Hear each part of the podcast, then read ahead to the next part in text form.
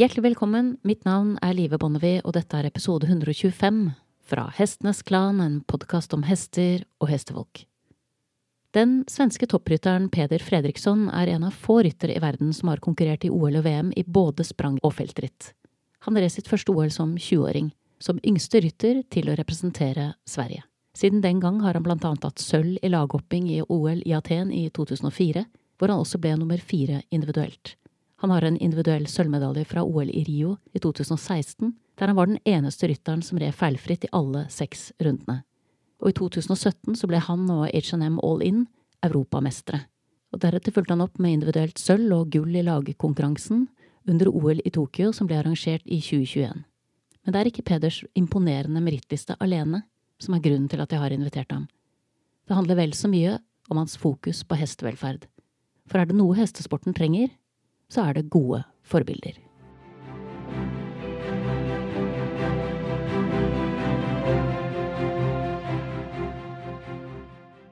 Hjertelig velkommen, Peder.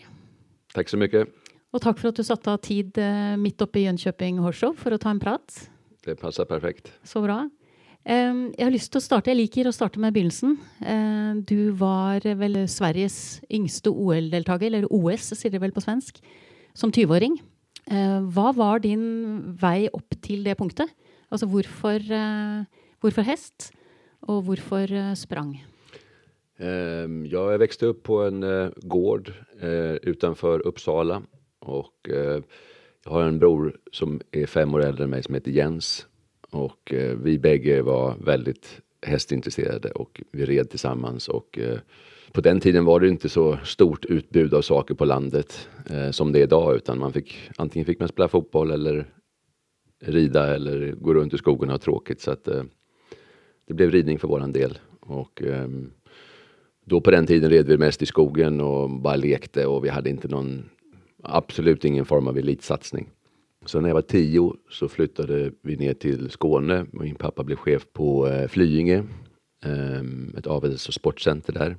Och då kom vi helt plötsligt ner i en helt annan miljö med mycket mer kunskap och jag hade tur att eh, när jag började skolan så var två av mina andra klasskamrater, den klassen jag började, de red också. Så jag fick nya nya ridkompisar och klasskompisar. Eh, vilket jag tror var en väldigt viktig del i att jag fortsatte och hade så kul med hästarna. När du eh, nu har kommit på den nivå som du har kommit idag, hvordan velger du de hestene som skal være med deg på denne reisen som du er på nå? Hvilke kvaliteter og egenskaper er det du vektlegger når du finner deg nye hester? Mm, ja, det, det är en bra fråga. Man kan ju aldrig få allt man vill ha i en häst. Man vill ju att de ska ha eh, kapacitet, de ska vara försiktiga, de ska ha bra inställning, eh, de ska vara snabba, de ska vara hållbara och de ska framförallt gilla livet som tävlingshäst. Sen kan man aldrig få allting i en häst utan man måste bara försöka känna att de har så pass mycket kvalitet så att de kan kompensera för sina svagheter och att helhetspaketet blir bra nog så att de ska kunna fungera som en bra tävlingshäst. Du sa stikkordet forsiktig. Ja, försiktig, då menar jag mer att de har en, eh, en förmåga att använda sin kropp och sitt eh, muskelminne och sin vilja att inte röra bommarna. För att en försiktighet är inte bara att hästen inte vill riva, de måste också kunna låta bli att riva och ha de reflexerna som gör det naturligt för hästen att undvika att slå i hindren. För det är ju det som sporten går ut på, att man ska lämna bommarna uppe. När eh, du blev europeisk mästare i Göteborg i 2017, så la jag märke till att du trakk fram teamet ditt, och alla som hade bidragit till att dere hadde kommet dit. Kan du si lite om vad slags management hästarna dina har? Och kanske också lite om vad som är det viktigaste för dig när du tränar dem? Mm, det är ju, eh, man behöver ha ett bra, ett bra management och ett bra team. Eh, det är omöjligt att göra en sån satsning som elitsatsning helt själv med tanke på eh, dels alla resor och att man måste ha ett antal hästar och, och så. så att, ehm, eh, jag har två tävlingsgromar och jag har, jag har en stallchef och vi har en eh, fysio och jag har en tränare och jag har beridare. Så att jag, har, jag har under årens lopp byggt upp personer runt omkring mig som jag tycker fungerar bra och som jag trivs med. Och eh, det är viktigt också att ha dels att de är kompetenta och duktiga men också att de bor så pass nära och så, så att man kan få kontinuitet i det. Det är också väldigt viktigt att man inte startar någonting och sen kör man på några månader och sen rinner det ut i sanden utan att man när man bestämmer sig för någonting och man bygger upp någonting att man kan jobba långsiktigt med kvalitet. Så det tänker du i förhållande till teamet ditt också att det är alltså folk som kan jobba för dig också över en lång period, rätt och slett? Ja, det hoppas jag ju. Sen, sen vet man ju aldrig med, med människor vad de har för planer och så vidare. Men jag har haft tur så här långt att jag har haft människor runt mig under lång tid. Och eh, det är klart att det går ju lättare för att eh, då vet de hur jag fungerar och hur vår kommunikation fungera på ett effektivt sätt. Och eh, jag tycker det är väldigt viktigt att alla i teamet måste ha samma mål. Vi måste alla veta vart vi är på väg och hur vi ska göra det tillsammans. Jag har haft väldigt tur med, jag har haft fantastiska människor omkring mig och har. Det kan ju också betyda att du är en god och tydlig ledare som vet väldigt gott var du vill och hur man kommer sig dit. Um, ja, jag vet inte. Det, får, det är jag inte helt säker på att alla anställda håller med om. Men uh, jag är nog uh, ganska hård tror jag faktiskt som ledare. Men jag ger nog mycket um, ansvar och jag vill att folk ska ta. Jag vill ha folk omkring mig som tar tag i saker. Eftersom vi har samma mål uh, uppsatta så finns det utrymme i teamet att det är inte bara jag som måste fatta alla besluten utan ofta om vi får ett problem så istället för att jag säger att nu ser det ut så här och, och, jag tycker vi ska göra så här istället. Så säger jag ofta att nu ser det ut så här. Jag skulle vilja att det såg ut så här. Vad kan vi göra för att vi ska nå fram till det målet på ett så bra sätt som möjligt för, för alla? Och så jobbar vi tillsammans och eh, jag är mer än glad om de kommer upp med bättre idéer än vad jag har för att hitta lösning. För att enda som är viktigt för mig är att resultatet blir så bra som möjligt. Stikkord uh, hard brukte du. Altså du kan vara en hard leder. Uh, vad lägger du i det? Jag är nog väldigt, uh, jag tror att jag är ganska direkt ledare. Vi har ett DNA tror jag i, i vårt företag när vi, vi lindar inte in saker. Linder in? Om man tycker någonting så kan man säga precis vad man tycker. Om det inte är bra så kan man säga att det här är inte bra nog. Om det är bra så säger man att det här är bra. Men det är inte att det är inte massa gråzon däremellan och man går på tå utan vi är ärliga och öppna med varandra. Och eh, det finns inte så mycket tid för att göra saker som inte tar oss framåt. Vi fokuserar på det som är viktigt och vi lägger energi på det. Och eh, då blir det att kommunikationen är ganska direkt ibland. Men jag, jag hoppas att jag är liksom eh, någon de kan lita på och om någonting går fel eller inte fungerar så blir jag väldigt sällan arg därför jag vet att det hör till. Om alla är ambitiösa och alla gör så gott de kan så ibland går det fel och ibland går det bra. Och jag tycker det är viktigt att ha en eh, det måste också vara en öppenhet i det. Att om någonting går fel så vill jag mycket hellre att, att mina medarbetare kommer till mig och säger att det har gått åt pipan. Eller jag har gjort någonting väldigt dumt eller det funkar inte eller så. Va? För att jag vill mycket hellre höra det för att jag vet att det är en del av verkligheten. Och eh, då får vi bara se hur vi kan göra det bättre till nästa gång och se att det går bättre. Och likadant när det går bra så är vi inte heller så att vi firar i flera veckor utan det vi absolut så gläds vi och, och sådär men vi jobbar på framåt och eh, försöker ha en bra positiv stämning he hela tiden oavsett om det går bra eller dåligt. Så nu snackade vi lite om hur du är med, med folken du jobbar med. Är du den samma som rytter? Ja, jag tror nog att jag är ungefär samma som ryttare. Jag tror att eh, man rider som man är. Eh, faktiskt. Och eh, även om man skulle vilja rida på ett annat sätt än vad man är förr eller senare så kommer det i kappen liksom. Och man, man, man, glömmer av och sen så blir man sitt riktiga jag. Så att, även fast man såklart måste förbättra saker och man jobbar med grejer och så, så är det ungefär ridning. Man rider och sitt ridstil det är ungefär som sitt sätt att gå. Alla människor har olika. Man har, man har sin gång, gångstil, man har sitt rörelseschema och sättet man gestikulerar och pratar och så vidare. Och eh, så som jag kommunicerar med dig nu, sitter med händerna här och med rösten och så, så kommunicerar jag med dig på samma sätt så när man rider så kommunicerar man ju med hästen och då måste man utgå från sin personlighet. Det är ju det som är det äkta. Och när vi snackar om personlighet så är det nästa jag har lust att snacka med om är uh, All In. Som ser ut för mig som han kunde hett uh, The One. Uh, kan du säga lite om honom och den relationen som du har till honom? Ja, han är, han är en, han är och har varit en fantastisk häst. Han har, du bad mig räkna upp de egenskaperna man vill ha i en häst så, och jag säger att hästar kan aldrig ha alla, men han, han är väldigt nära att ha alla faktiskt. Så att, uh, han är en sån där once in a lifetime häst skulle jag tro. Jag hoppas det inte är så, men jag är rädd för att det är så. Hur länge har du haft den? Sen han var sju och nu fyller han 17, så tio år snart. Lång eh, relation? Ja, verkligen. verkligen. Blir det som ett äktenskap? Alltså att man känner varandra ut och in?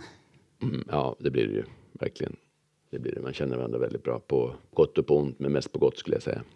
när jag säger på ont det är för att man vet så fort någonting inte är bra så känner man ju det. Ibland hade det varit skönt att Ignorance is a bliss. um, en av de viktigaste grunderna till att jag inviterade är eh, ditt fokus på hästvälfärd. Eh, jag kommer ihåg att jag såg ett intervju med dig på SVT i 2019, tror jag, Min sanning. Eh, og och där blev det bland annat spurt om hur är det för en häst att byta rytter, alltså byta ägare. Och så hade du några väldigt fina reflektioner där, där du snakket om att hästen har mista sina gamla kompisar, den kommer till ett nytt sted. Det är inte bara att sätta sig upp och förvänta stora ting på banan. Kan du si lite om eh, rett og slett ditt syn på, på velferd og, og hvordan du förvaltar den? Ja, jag tycker det eh, är intressant och det är också en aktuell fråga som jag tycker är väldigt viktig att vi tar upp och vänder på för sportens framtid. Vi måste ju ha en sport som eh, vi är stolta över och, och eh, som folk utifrån kan eh, respektera och tycka om. Så att hästvälfärdsfrågorna är, är ju jätteviktiga. Och i min värld så går det hand i hand att det finns inget motsatsförhållande mellan absolut elitsport och hästvälfärd utan som jag ser att det går, det går väldigt mycket hand i hand att ju bättre hästen mår och ju bekvämare den är och mer tillfreds den är eh, desto bättre resultat gör den. Så att eh, det är någonting jag jobbar mycket med att om hästen mår bra, känner sig bekväm i kroppen, tycker det är trevligt, då har jag mycket större möjligheter att lyckas på tävlingsbanan med den hästen. Än en häst som inte trivs med jobbet och har ont i kroppen och så vidare. Då är det väldigt svårt att få framgång med dem. På lång, långsiktigt i alla fall. Vad tänker vi om de hästarna som har talentet men manglar viljan? Det, det, ja, absolut. Det är, det är, så mycket saker som ska stämma. Det är, men det är ju likadant på, ehm, med människor. Med, låt säga, ungdomar som spelar fotboll. Det är kanske många som har talang, men det är ytterst få som har talangen och viljan att verkligen ge det där lilla extra. Och det är precis samma med hästar, att de måste ha talang, den fysiska talangen, men den mentala viljan att ta i och också viljan att kommunicera med sin ryttare och förstå hur det här tävlingslivet, hur det fungerar. Att flyga flygplan, komma till nya platser, gå in i en eh, inomhusarena full med publik med nya dofter och mycket ljud och så vidare. Att kunna, kunna ändå hålla fokus på ryttaren och på bommarna och tycka det livet är bra krävs en väldigt speciell häst. Och så kräver det väl också mycket av dig i förhållande till att förbereda dem på eh, det livet? Absolut, verkligen. Se till att de bara får trevliga upplevelser är väldigt viktigt. Och eh, det är viktigt att få hästen att förstå att det alltid finns en väg framåt som är rätt och som är trevlig. Så jag, jag har jobbat mycket nu på sistone med positiv förstärkning och eh, det, är, det är superintressant att det är en viktig del som man inte får, får glömma. Inte, bara, inte jobba bara med positiv stärkning, utan i kombination med klassisk ridning eh, med skänklar och, och, och, och liksom, man kan sätta tryck och så vidare. Men så fort hästen letar en lösning åt det hållet man vill så måste hästen känna att det är rätt och få belöning och få någonting trevligt. Så att den hela tiden vill leta efter eh, rätt väg framåt och på så sätt så utvecklar man dem. Och det är likadant med, ja, med resor och, och, och, sånt att de får, man får lägga upp det på ett sånt sätt så att det blir eh, det får inte bli otrevligt för hästen. Så när de ska ut och fly för exempel för första gången hvordan eh, förbereder man dem på något sånt? Dels så är hästar väldigt olika. Vissa hästar är inte speciellt påverkade och vissa hästar är väldigt känsliga. Eftersom jag har haft all in nu de sista tio åren som är väldigt känslig så har jag fått jobba mycket med just sådana saker med, med flyg och sånt här. Att, att eh, se till att jag försöker ha min groom med på flyget. Jag försöker ha en häst bredvid honom som han känner som han kan slappna av med och, och sådana här saker. Och alla detaljer runt omkring hästen, det vi kallar för management, och man ska försöka göra dem absolut så bra man kan. Det är en väldigt viktig, eh, vad ska man säga, process till framgång. Man kan tänka det som att det är en kedja. Framgång är en kedja som består av länkar. Och den kedjan är bara så stark som den svagaste länken. Så det innebär att det spelar ingen roll om du gör massa saker jättebra. Har du några svaga länkar som att du har en dåligt foder till exempel eller en problem med hovarna eller en sadel som trycker eller vad det nu är. Då kommer du inte få framgång. Du måste titta på alla de här länkarna och se och, och kontinuerligt jobba med att se att alla de här länkarna är starka och förhoppningsvis förstärka dem lite igen varje år. Är man nästan på en måte litt nerd, hvis du skjønner? På hver enkelt lenke når man er i din situation? Altså en stigbøyle som veier eh, ti gram mindre en, alltså blir man på jakt efter de bitte, bitte små nyanserna som utgör en forskjell? Ja, det, det blir, så det blir man ju. Och ju högre upp, tycker jag, man, ju mer framgång man får om man har siktet ställt högt. Eh, om man inte är nöjd på den nivån man är. Är man nöjd på den nivån man är, då kanske man inte behöver jaga förbättringar, därför då är man redan där. Men om man vill bli bättre, då måste man ju försöka hitta vägar att bli bättre. Och då är det ju alla de här små detaljerna som man måste gå igenom och se att och försöka förbättra år för år. Och för min del går det ofta så att jag går lite i faser under en period. Så känner jag kanske att Eh, ja, jag börjar intressera mig för fodret till exempel. Att jag vill veta exakt vad de äter och ha möte med min foderleverantör och vet, bara gå igenom allting bara så att jag känner att ja, men nu, har vi, nu har vi grepp på det här och eh, vi gör det så bra vi kan och vi gör det bättre, mina, bättre eller lika bra mot, som de jag tävlar mot. Och sen när jag känner att det är lugnt, ja, så går man vidare till nästa grej. Och så jobbar man på kanske på underlaget i ridhuset och på ridbanan och så bockar man av det och sen eh, går man vidare på nästa sak som kanske är sadlarna. Så, så går det runt och sen när det har gått en viss tid, då är man tillbaks på fodret igen. Och sen förhoppningsvis den gången när man sen kommer tillbaks till fodret, då kan du kliva upp ett steg och du kan förbättra det mot förra gången du var där. För att under den här tiden som har gått så har du fått lite nya idéer, du har pratat med folk, du har byggt, om, om man är intresserad så tar man ju till sig ny information, ny kunskap. Och nästa gång man sätter sig ner och jobbar med detaljerna så kan man förhoppningsvis lyfta upp det ett snäpp till. Och sen så går det runt sådär i, i cirklar och förhoppningsvis så är det en spiral som långsamt går uppåt och man kan bli bättre.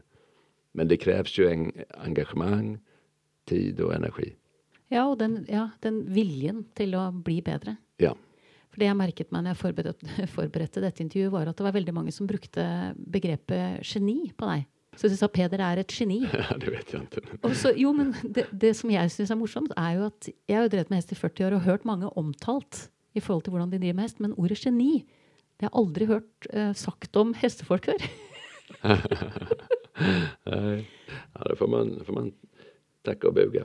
Men jeg tenker jo at det er jo den lenken du snakker om, som sikkert er mye av forklaringen på det. Altså at du, at du faktisk veldig målrettet eh, og bevisst tar for deg hver enkelt bit, sånn at denne kjeden som du beskriver, skal bli så solid som mulig. Ja, och jag gör ju det för att, eh, nummer ett för att jag vill bli bättre, men också för att jag tycker det är roligt såklart. Jag ser en, eh, en viss del är såklart en frustration att man tycker att man inte är bra nog, man vill bli bättre.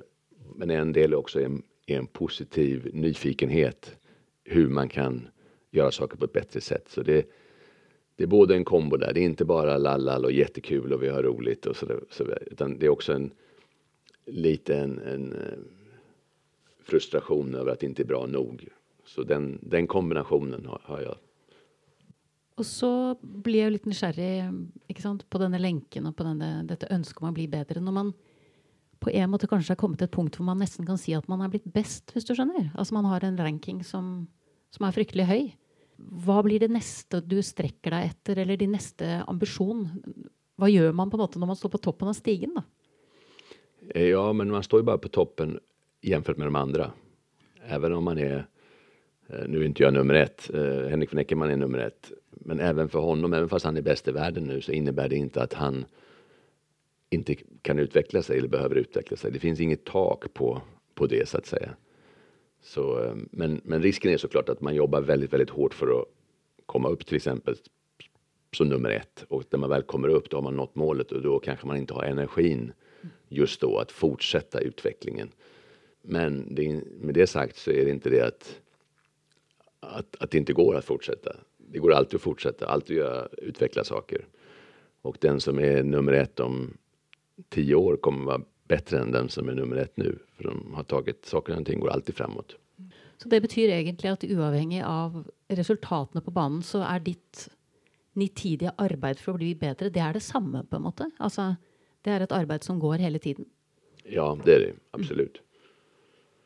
Jag har också lust att fråga dig om eh, OL eller OS i Tokyo. Eh, där du eh, tog väl sölv och guld på en häst som var uskodd. Kan du säga lite om eh, vad som är din erfarenhet där och lite om managementet bak en uskodd häst på det nivået? Mm. Jag tror inte att det är så många hästar som har tävlat barfota innan det. I hoppning i alla fall. Och om det var så var det för väldigt länge sedan. Så det var ju ganska nytt att det var två, två hästar i svenska laget som tävlar barfota. Och eh, det började med att jag hade en häst som jag hade problem med sundheten. Den, jag kunde inte få den sund helt enkelt och vi behandlade och vi hade gjort allt vi kunde egentligen och till sist så fanns det ingen annan väg än att ja, pensionera den i princip, släppa den i hagen eller ge den ett år och se om vi kunde starta om igen. Vad var det som uh, var problemet? Jag hade gaffelbandsskada på ett bakben och uh, hade, hade varit dragits med det under väldigt lång tid. Och eh, jag tog av skorna och sen ja, så tänkte jag ska pröva utan bara se hur den rör sig och blev väldigt positivt överraskad hur, hur den rörde sig utan skorna efter några dagar och eh, det blev så att vi behövde inte ställa av den utan den kom tillbaks till sporten igen och tävlade igen. Um, sen blev den i och för sig allt igen men, men uh, det var en väldigt positiv effekt av att ha av skorna på den. Och då tävlade du med eller utan skor på den hästen? Utan skor på den hästen och det var första gången jag tävlade utan skor och första gången jag egentligen hade en häst utan skor som jag engagerade mig i.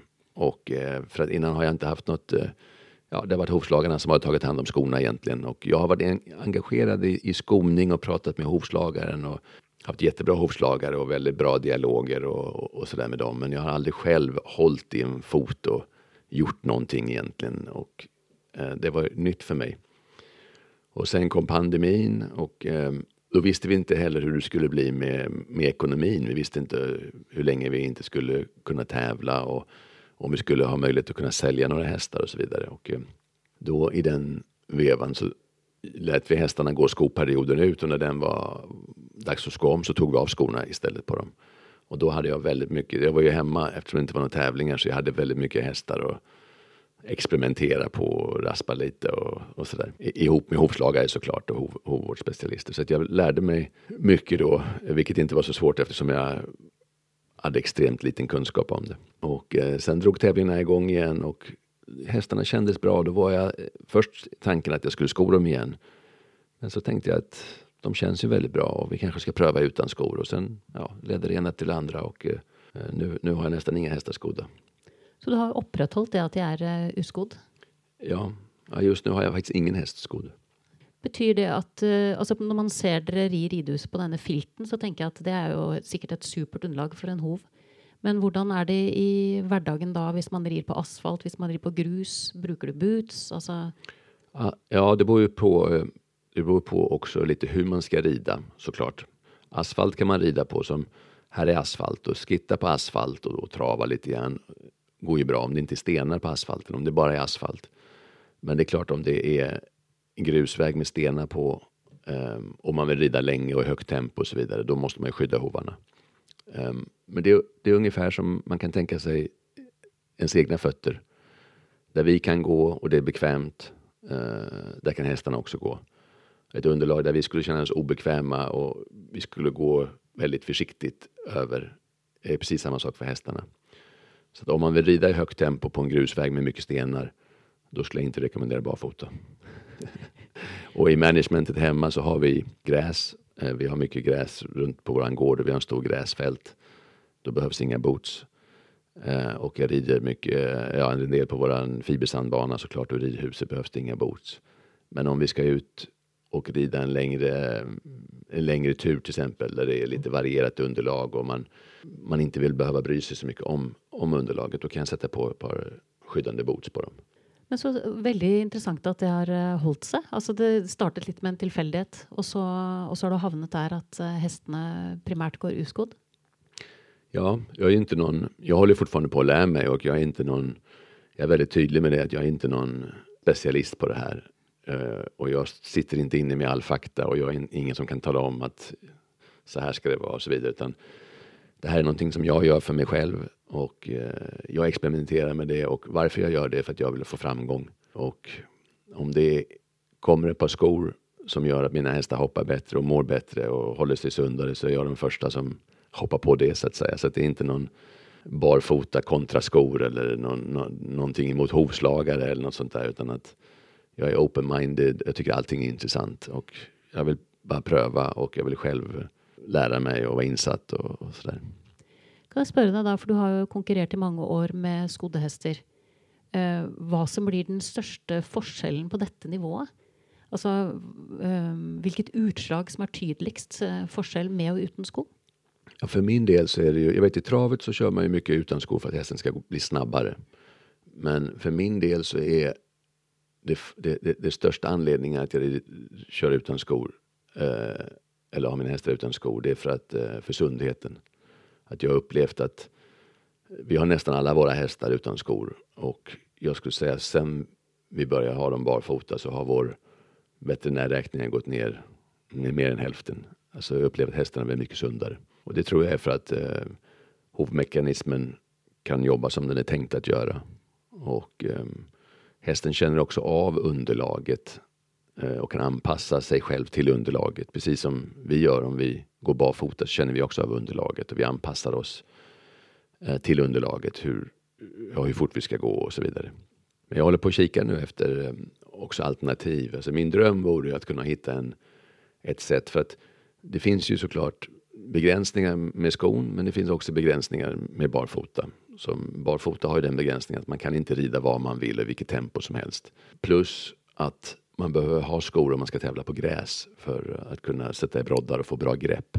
Så att jag skulle vilja hitta en sko som är så likt barfota som möjligt. Där man har kvar de positiva effekterna av barfota. Men också positiva effekter med, med, med skorna. Jag føler att det är den jag letar efter. För jag har ju häst med ett ställe där underlaget är mycket tuffare än det du beskriver. Så det ideella vill vara att klara att beskydda hoven mm. eh, tillräckligt. Men samtidigt sörja för att, eh, att den kunde vara sig själv, då, den hoven. Mm. Mm. Precis. Så vi håller, på, vi håller på att titta på lite olika alternativ där. Det hade varit det är väldigt spännande att se om, om man kan hitta en bra lösning för det. För du deltar också i ett forskningsprojekt, inte sant? Ja, precis. Vi har haft ett forskningsprojekt på vår gård eh, i samarbete med försäkringsbolaget Agria. Där vi har resultatet kommer komma nu i slutet på året. Ehm, det är Lars Rufstorp eh, som har forskat och sett på vilka skillnader det är när en häst landar med skor kontra utan skor ser kjempeinteressant ut. Jeg følger det litt sånn fra sidelinjen og venter egentlig på den endelige rapporten. Dere slapp jo noe i august, men så er resten sagt som du sier å komme ved årsskiftet. Ja. Det er veldig spennende å se hva dere har funnet. Mm. Det skal bli spennende å se. Ehm, jeg har også lyst til å spørre deg, eh, siden du er på innsiden av en sport som jeg på en måte er litt på utsiden av. Eh, det har jo blitt et mye hardere ordskifte, som vi sier på norsk. Eh, og det det ofte handler om, det er, er det vi ser på konkurransebanen Slaves of Glory. Eller är det det vi kallar för happy athletes? Og och det kunde varit intressant att höra dina betraktningar som är på något på insidan och på høyt nivå i sporten. Vad, hva tänker du? Men den, den, den nivån jag är på, eh, där skulle jag säga att, att happy athlete och framgång går väldigt mycket hand i hand. Därför att de skickliga ryttarna förstår det sambandet att en häst som är happy presterar också bättre. Så att alla toppryttare har som mål att deras hästar ska må väldigt bra och de tar väldigt bra hand om dem. Jag tror att eh, den största faran med, med, med hästvälfärden det är okunskap. Alltså ju mindre, ju mindre intresserad du är, ju mindre du känner efter och ju mindre tid du har, men du vill ändå göra det. Det är där jag tror att den största faran ligger. Så att kunskap är, är den bästa vägen framåt för, för hästvälfärden.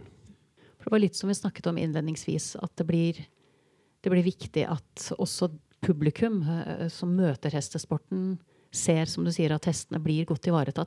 Mm, Ikke sant? Sånn at, sånn at man holder hestesporten i hevd på en god måte. absolut. Och vi har, jag tycker hästarna tas om hand fantastiskt bra, men det är klart att vad man än håller på med så måste man alltid med jämna mellanrum ställa sig just de här frågorna. Att gör vi det här så bra vi kan eller kan vi förbättra det? Kan vi göra det ännu bättre för hästarna på, på tävlingar?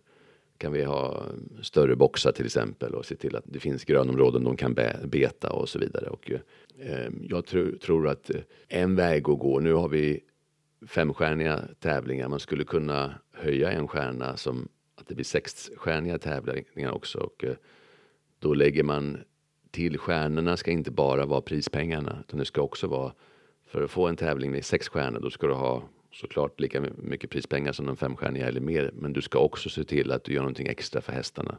Större boxar, ordentligt med grönområden för att beta och så vidare och för hästskötarna. Och vi behöver hela tiden ta sporten framåt och göra det bättre. Precis som de här länkarna i kedjan så är ju, är ju eh, tävlingsbiten också en väldigt viktig del. Vi måste se över och se om man kan göra det ännu bättre. Du har ju varit i sporten nu i mm, fyra, tio år. Tre tiår. Tre tiår, noe sånt. Ja, Fire hvis vi tar med mm, starten i skogen. just det. Ja. Eh, opplever du eh, at den har forandret seg, og i tilfelle på hvilken måte? Det är lite svårt för mig också att bedöma det eftersom jag börjar som fälttävlansryttare och eh, nu är jag hoppryttare de sista åren. Men det går ju framåt hela tiden. Och jag har inte varit på toppsporten mer än kanske de sista tio åren. Men, men vad som är tror jag att det blir ju fler och fler tävlingar världen över. Vilket jag ser som någonting väldigt positivt. Eh, så sporten växer ju. Det kommer fler femstjärniga tävlingar, det kommer mer prispengar, det finns mer möjligheter. Vilket kräver ett annat upplägg egentligen av ryttarna. Jag skulle tro i framtiden så om det fortsätter på det här sättet att det blir ännu mer prispengar och ännu fler tävlingar så tror jag att ryttarna kommer behöva ännu större team än vad vi har idag. Så att det blir på sikt lite mer som kanske åt, eh, ja, i andra sporter, att det blir team som åker runt och att ryttarna kanske mer är ryttare och man har en manager som sköter en, en del av, av det, det andra i verksamheten. Med hästrekrytering och så vidare och logistik och för att ha- ha möjlighet att tävla varje helg. Redan nu så tävlar ju vissa ryttare på två tävlingsplatser på samma helg och flyger emellan. Men det är ju extremt. Men om det går åt det hållet så kommer såklart upplägget och managementet behöva förändras för ryttarna. Det høres jo helt eh, utrolig komplisert ut. Ja, det är det. Och så ska hästarna också såklart komma fram till tävlingen på ett bra sätt, må bra för att kunna prestera bra på två olika ställen. Och sen nästa helg så ska ett annat gäng hästar på ett annat, annat ställe. Så det är klart att det, det, det ställer stora krav på, på eh, teamet och managementet. Og ikke minst også den langsiktigheten som du snakket, opp- snakket om. Altså at hestene har, i alt dette som forandrer seg, så har de noen størrelser som er konstante. Mm, absolut. Absolut. Jeg tenkte jeg skulle eh, slippe deg videre nå, Peder, fordi du skal jo ut på konkurransebanen. Du må varme opp og forberede det alt i god tid. Men eh, et raskt signaturspørsmål som jeg stiller alle gjestene mine, det er hva er det hestene har lært deg gjennom et langt liv som du tenker at det er viktig at alle som driver med hest, vet? Det är en bra fråga. Ja, det är väl att hästar är hästar och eh, man måste utgå ifrån det när man tränar dem. Oavsett vad man själv har för, för ambitioner och mål så måste man ändå följa hästens behov och hästens eh, instinkter och det som driver hästen eh, är väldigt viktigt att förstå och ta hänsyn till när man tränar hästar. Så att man gör en, man gör en plan, en långsiktig plan för vad man själv vill men sen måste man också göra en plan för hästen som är bästa för just den här individen. Och eh, det finns ingen bättre resa tycker jag än när man får en, en ny häst och man lär känna varandra och man, man tar de här stegen tillsammans. När det fungerar i rätt riktning så är det en fantastisk känsla och väldigt, väldigt spännande. Du ska ha tusen hjärtligt tack för att du satte av tid till det här, eh, Peder, mitt uppe i allt annat. Og veldig, veldig lykke til i kveld. Tack så mycket, trevligt att pratas. Du har nettopp hørt episode 125 fra Hestenes Klan, en podkast om hester og hestefolk, og her er noen avsluttende refleksjoner for dagen. Man kan mene mye om både ridning og hestesport, og det skal sies at ingen hester er skapt for å bli ridd fra naturens side. Men det er ikke dermed sagt at ikke de kan trives med et liv som ridehester.